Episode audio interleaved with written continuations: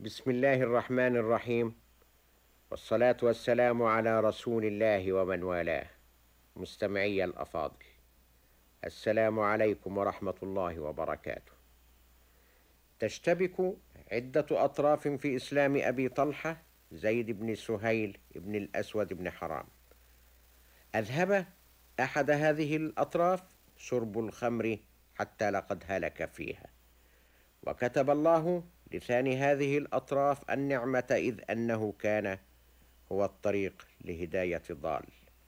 أما ثالثها فهو أبو طلحة الذي لم يكن بينه وبين النار غير خطوة فإذا هو يسلم ويصبح بينه وبينها سد منيع ويجعل الحنيفة مهاجرة ويحسن البلاء من أجلها.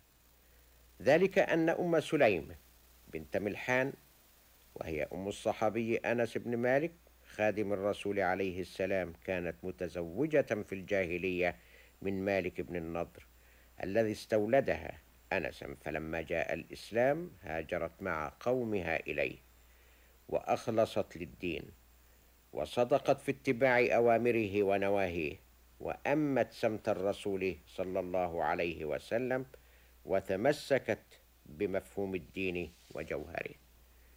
وكان عليه الصلاة والسلام كما جاء في خبر عن ابنها لا يدخل بيتا غير بيت أم سليم إلا على أزواجه. وكان من تعلق هذه المرأة بالإسلام أنه لم تفتها غزوة من غزوات الرسول عليه السلام إلا شاركت فيها. حتى لقد شوهدت هي وعائشة رضي الله عنهما يوم أحد تحملان قرب الماء على ظهورهما. كما كانت أم سليم. واحدة من عشرين امرأة خرجن مع الرسول من المدينة إلى خيبر يعن المسلمين بما استطعن ويداوين الجرحى وما ذلك بالقليل. ولقد أثار إسلامها غضب زوجها مالك بن النضر وزاد من حنقه عليها أنها عرضت عليه الهجرة لله ورسوله فأخذته حمية الجاهلية والعزة بإثمها فأنكر عليها ما سألته إياه. وزاد الطين عنده بلة أن هذا الدين ينهى عن شرب الخمر ويلعن شاربها وساقيها وبائعها فكان رده على عرضها الكريم أن هجرها وكان لا بد لها هي أيضا أن تهجره فما يجوز لمسلمة أن تكون عند كافر. ومضى هو إلى الشام يبتغي طلبته هناك. ووجد بها وفي أديرتها ما يسر له أن يظل عاكفا على الخمر حتى هلك ومضى إلى أمه الهاوية وقان الله منها.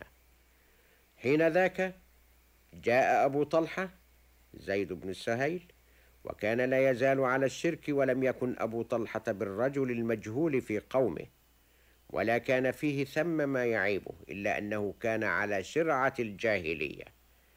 جاء أبو طلحة يخطب أم سليم ويعرض نفسه عليها فلم تنكر بطولته ولا بأسه ولكنها أنكرت كفره فلم يكن ثم سبيل للزواج إذ يقول الحق تبارك وتعالى ولا تنكحوا المشركين حتى يؤمنوا ولعبد مؤمن خير من مشرك ولو أعجبكم أولئك يدعون إلى النار.